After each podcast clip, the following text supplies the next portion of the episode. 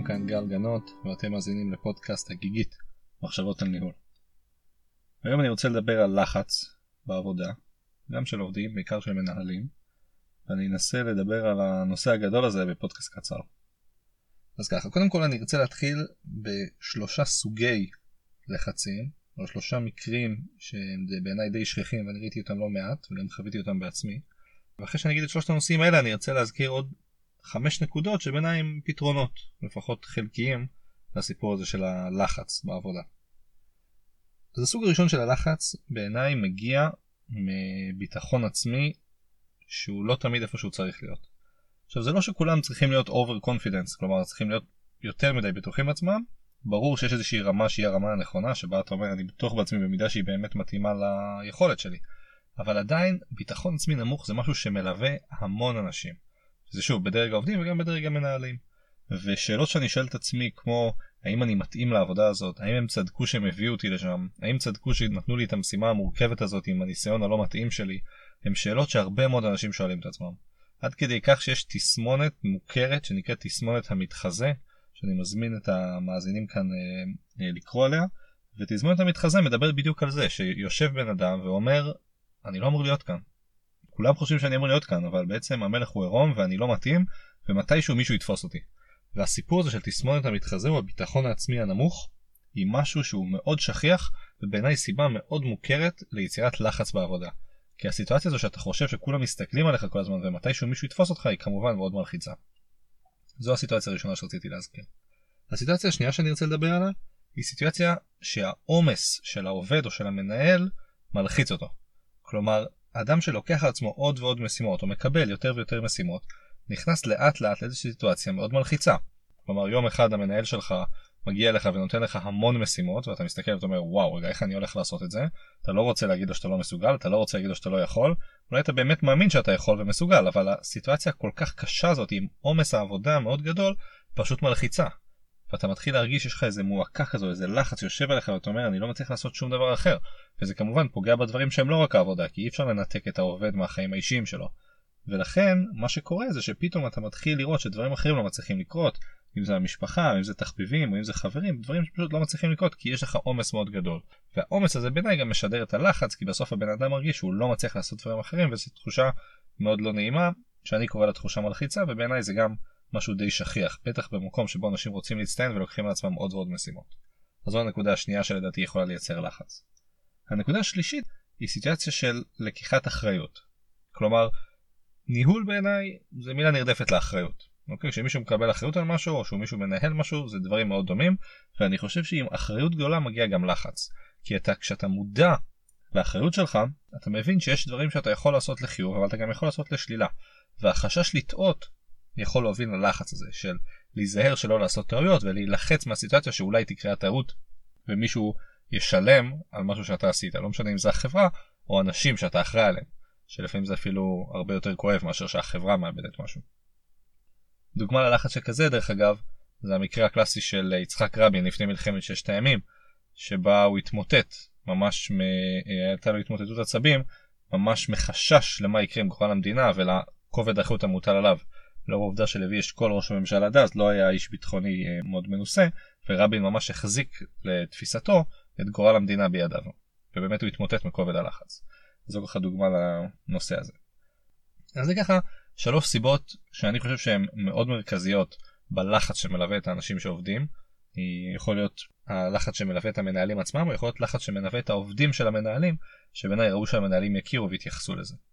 זהו אז אני אעבור עכשיו על חמש נקודות שבעיניי הם דרכים להקל לא יודע אם לפתור אבל להקל על הסיפור הזה של הלחץ ושוב אני אומר את זה כדי שמנהלים יוכלו לאמץ את זה לעצמם או להיות מודעים לזה ולעזור לעובדים שלכם שנכנסים לסיטואציות המלחיצות האלה. אז ככה הדבר הראשון שאני רוצה להגיד זה שמישהו שם את העובד או את המנהל בפוזיציה שבה הוא נמצא. בדרך כלל עובדים לא, לא יכולים להחליט לבד מה הפוזיציה שלהם. מישהו שם אותך שם. להיות שמישהו מינה אותך לעבודה, יכול להיות שמישהו נתן לך את המשימה הזאת, ומי ששם אותך או נתן לך את המשימה, אני רוצה להאמין, הבין מי הוא שם שם ומה היכולות שלו. ובעיניי זה משהו מאוד חשוב בהקשרי התסמונת המתחזה. כלומר, אם הצלחת לשכנע את המנהל שלך שאתה מתאים לעבודה, יכול להיות שאפילו בפנים אתה לא מתאים או שאתה חושב שאתה לא מתאים אבל הצלחת לשכנע אותו אתה עשית את שלך. עכשיו זה כבר אחריות שלו הוא הבין מה הוא עושה, הוא שם אותך שם והוא נותן לך את כל הכלים ואת היכולות לעשות את הדבר הזה, ויכול להיות שהוא טעה. אוקיי, יכול להיות שהוא מינה אותך בטעות, אבל זה כבר אחריות שלו. זאת אומרת, אני אומר את זה כדי להקל מהמחשבה הזאתי של אני מתחזה ומתישהו יתפסו אותי, אני שם את זה בצד. מישהו מינה אותי, מישהו סומך עליי, יכול להיות שהידע שלי בעיניי לא מספיק, אבל מישהו אחר חושב שזה כן מספיק, ולכן כדאי שאני אעשה את הכי טוב שאני יכול. ואני אומר את זה כי לפעמים יש דברים שאנחנו לא יודעים. לצורך העניין אני בטוח שאני לא מספיק, אבל אל מול כל שאר האפשרויות הייתי הכי טוב. ולכן שם אותי שם, ולכן אני אעשה את הכי טוב שאני יכול, וזה מחבר אותי לנקודה השנייה. אם הנקודה הראשונה הייתה מישהו שם אותך שם, ותזכור שמישהו שהוא כנראה מנוסה החליט שאתה הכי מתאים פה, והדבר השני זה תעשה תמיד את הכי טוב שאתה יכול. אם אתה עושה את הכי טוב שאתה יכול, אין לך על מה להצטער. עכשיו כמובן שזה אה, בעייתי, כי הכי טוב שאתה יכול לא צריך להיות בעיניי רק בעבודה. אוקיי? אני חושב שהכי טוב שאתה יכול זה לעשות את האיזון בין כל הדברים.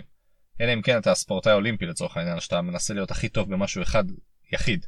אה, אבל מה שאני מנסה להגיד זה שכשאני אומר לעשות את הכי טוב שלך, זה לחשוב מה אני רוצה לעשות בחיים. אני רוצה להיות איש משפחה, יש לי תחביב מאוד חשוב, יש לי חברים שאני רוצה להשקיע בהם, ואני גם רוצה להתקדם בעבודה שלי. אז בואו נראה איך אני יכול לאזן את כל הדברים שלי בחיים, ולעשות את הכי טוב במסגרת האיזון הזה. ולכן לקחת רק את העבודה ולהצטיין רק בעבודה, זה אפשרי, אבל אתה צריך להיות אדם מאוד ייחודי שאומר שזה הדבר שהוא רוצה לעשות בחיים, ואני לא מכיר הרבה כאלה. להפך, אני מכיר הרבה אנשים שלא עושים נכון את האיזון, ואז מנסים להצטיין בהרבה דברים במקביל, ולפעמים משהו דורך על משהו והם מסתבכים. וזה אומר שלצורך העניין, אתה לא צריך לקחת על עצמך יותר מדי. כי אם אתה תיקח על עצמך יותר מדי, אתה תפגע בדברים האחרים. זה בעיניי מתחבר לנקודה השלישית שאני רוצה להגיד, שזה אני קורא לזה, אל תהיה גיבור. אוקיי, עכשיו זה משפט קצת uh, מעצבן, כי בהרבה מקרים אתה רוצה שיהיה לך גיבורים כמנהל, ואתה גם כמנהל בעצמך אתה רוצה להיות גיבור ולהיות הכי טוב שאתה יכול. מה שאני מתכוון כאן, זה משהו שהמנהלים יודעים די טוב. יש משאבים לארגונים. יש תקנים ויש כוח אדם ויש כסף, ואתה יכול לעשות איתו כל מיני דברים. ואם החליטו מאיזושהי סיבה לעשות את התעדוף הזה ולשים על משימה מסוימת כמות כוח אדם מסוימת, הם עשו את זה בגלל שמישהו שם למעלה חשב והחליט שזה הכוח אדם והמשאבים הנכונים לבצע את המשימה הזאת. עכשיו למה אני אומר את זה? כי לפעמים מי שנמצא שם למטה ומבצע את המשימה מרגיש שאין מספיק משאבים על המשימה הזאת והוא מתלבט מה לעשות. הוא יכול לבוא ולהגיד טוב אין מספיק משאבים על המשימה הזאת אז זה יהיה גרוע. או שהוא יכול להגיד אין מספיק משאבים על המשימה הזאת אז אני אתן מעצמי כל מה שאני יכול. או שהוא יכול להגיד אין מספיק משאבים על המשימה הזאת אני אנסה להביא עוד משאבים.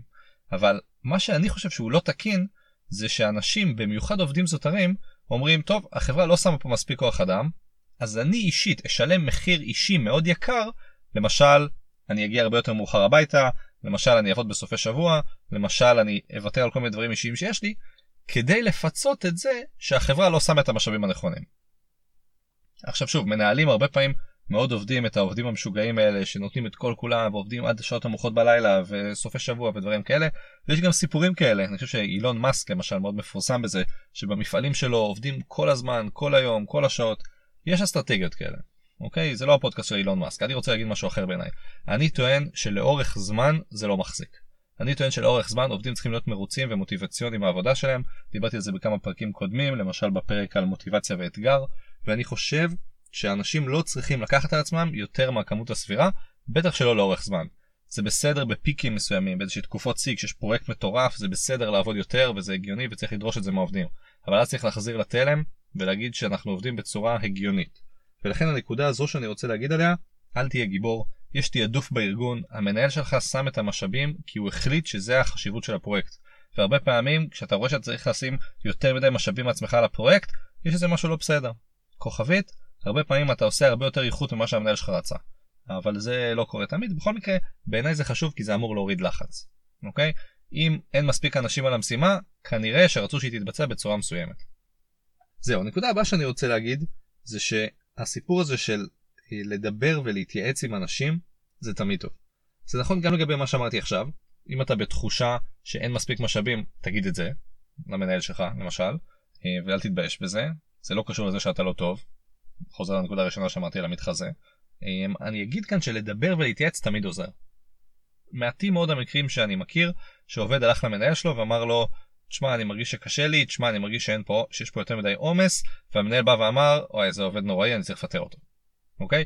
אם זה קורה זה קורה בגלל שלאורך הרבה מאוד זמן יש הרבה בעיות ויש שיחות וניסיון לפתח ולקדם וזה לא עובד זאת אומרת זה לא שיום אחד העובד לא מצליח ובן רגע כולם מחליטים שהוא גרוע. זה לא הסיפור.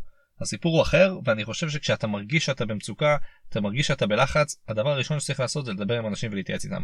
זה לא תמיד חייב להיות המנהל שלך זה גם יכול להיות עמית או חבר זה גם יכול להיות אנשים שהם בכלל לא בעבודה שלך זה יכול להיות חברים בבית או בני זוג זה גם יכול להיות היום אנחנו בעידן של וירטואליות וקהילות אתה יכול לחפש איזה קהילה של מנהלים או קהילה של עובדים מסוג מסוים ולנסות להתייעץ עם אנשים ברמה וירטואלית אבל לפרוק מאוד עוזר. ואני תמיד ממליץ על זה גם ברמה האישית שלי וגם ברמה של העובדים שלי לדבר ולעזור ולהתייעץ לאנשים אחרים עם אנשים אחרים זה תמיד מצוין בעיניי. אז זו הנקודה הרביעית. והנקודה החמישית שאני רוצה להגיד זה שהלחץ הזה בדרך כלל נובע מחשש שמשהו רע יקרה. אוקיי? חשש שיגלו שאני לא מי שהם חושבים שאני, חשש שאני אקרוס תחת העומס ואני לא צריך לבצע את זה באיכות הנדרשת, או חשש שאני אעשה איזושהי טעות ומשהו יקרה. אוקיי? ואני אומר לכם, אני הייתי בצבא ב-8200 והחשש שלי לפעמים היה אני אטעה ומישהו ימות ברמה הזאת. ואני חושב שמה שצריך להגיד זה שצריך להיזהר וצריך לחשוש מטעויות, בטח אם יש סכנה גדולה, אבל בסופו של דבר שמו אותנו שם כי מאמינים בנו, וטעויות זה משהו שהוא יקרה. שוב, יש מקרים שזה מאוד נורא לטעות, בסדר? כשאתה מנתח לב כירורג, זה רע מאוד לעשות טעויות. ובאמת, לא סתם מגיעים להיות מנתח אה, לב אחרי הרבה מאוד ניסיון והשקעה. אבל ברוב התפקידים וברוב המקצועות, מותר לטעות, בטח מדי פעם, בטח כמו שאמרתי בפרק על טעויות, שזה כל פעם טעות חדשה. ולכן, גם אם אתה מדמיין רגע את הסיטואציה הכי נוראית שיכולה לקרות, ברוב המקרים זה לא כזה קטסטרופה. ואני אומר את זה שוב כדי להוריד את סף הלחץ, אני חושב שבהרבה מקרים אנשים מאוד לחוצים ולחינם, הם מכניסים את עצמם לאיזשהו סרט שכזה, שאחר כך מאוד קשה לצאת ממנו. זהו, אם אני אנסה לסכם רגע את כל מה שאמרתי בפרק הזה, אז אמרתי שיש שלושה סוגי לחץ שאני פוגש המון, לחץ שקשור לביטחון עצמי נמוך ותסמונת המתחזה, לחץ שקשור לעומס גדול שאנשים לוקחים עליהם, ולחץ שקשור מאחריות לחשש שאתה תטעה. כדי שננסה להקל על הדברים האלה, נתתי פה חמש נקודות שבעיניי הן אה, יכולות לעזור. הנקודה הראשונה, דיברתי על זה שמישהו שהוא שם אותך שם כנראה ידע מה הוא עשה, הוא לא בחר אותך בטעות, שזה בדרך כלל מה שקורה, ולמרות שלפעמים יש טעויות, בדרך כלל שמו אותך שם כי חשבו שאתה מתאים, ואפילו אם אתה לא חושב את זה, זה אומר שהם חושבים את זה, וזה כבר משהו. הנקודה השנייה זה שתמיד צריך לנסות לעשות את הכי טוב שלנו, תחת האיזון הזה שאנחנו עושים יותר מרק את העבודה שלנו, וצריך להבין שלעשות הכי טוב, זה לא לעשות רק בעבודה הכי טוב, זה לאזן את הדברים. הדבר הבא שאמרתי, זה שאני לא חושב שאנשים צריכים להיות גיבורים. מדי פעם בסדר אפשר להגזים ולתת ככה משהו איכותי ולעבוד יותר משאר האנשים שלך בסביבה, אבל באופן כללי אתה צריך להיות מאוזן ולעבוד, ואם יש בעיה והדרישה ממך היא הרבה יותר גדולה ממה שאתה יכול לתת, צריך להגיד את זה. וזה מחבר אותי לנקודה הבאה, תגידו את הדברים, תדברו עם אנשים, תתייעצו ותנסו לעזור כשאתם מרגישים שאתם במצוקה, זה לא בושה וזה ממש חשוב. ודבר אחרון, מותר לטעות. בדרך כלל כשקורה את הטעות הזאת, זה לא כזה נורא, והדבר הנורא ביותר זה הדברים שאנחנו מאכילים את עצמנו ובטוחים שיהיה איזושהי קטסטרופה, שבעצם אנחנו לא קרובים לזה. זהו, מקווה שזה עזר, מקווה שזה יעזור בעתיד גם, לא משנה אם זה דברים שאתם סובלים בעצמכם, או שיש לכם אנשים שאתם רואים שהם במצוקה ואתם יכולים לנסות לעזור להם. זהו, עד כאן, כרגיל, שאלות והערות בשמחה, אפשר למצוא אותי באתר הגיגית.co.il, אתם יכולים לחפש גם בגוגל הגיגית וגלגנות. תודה לכם והמשך האזנה נעימה.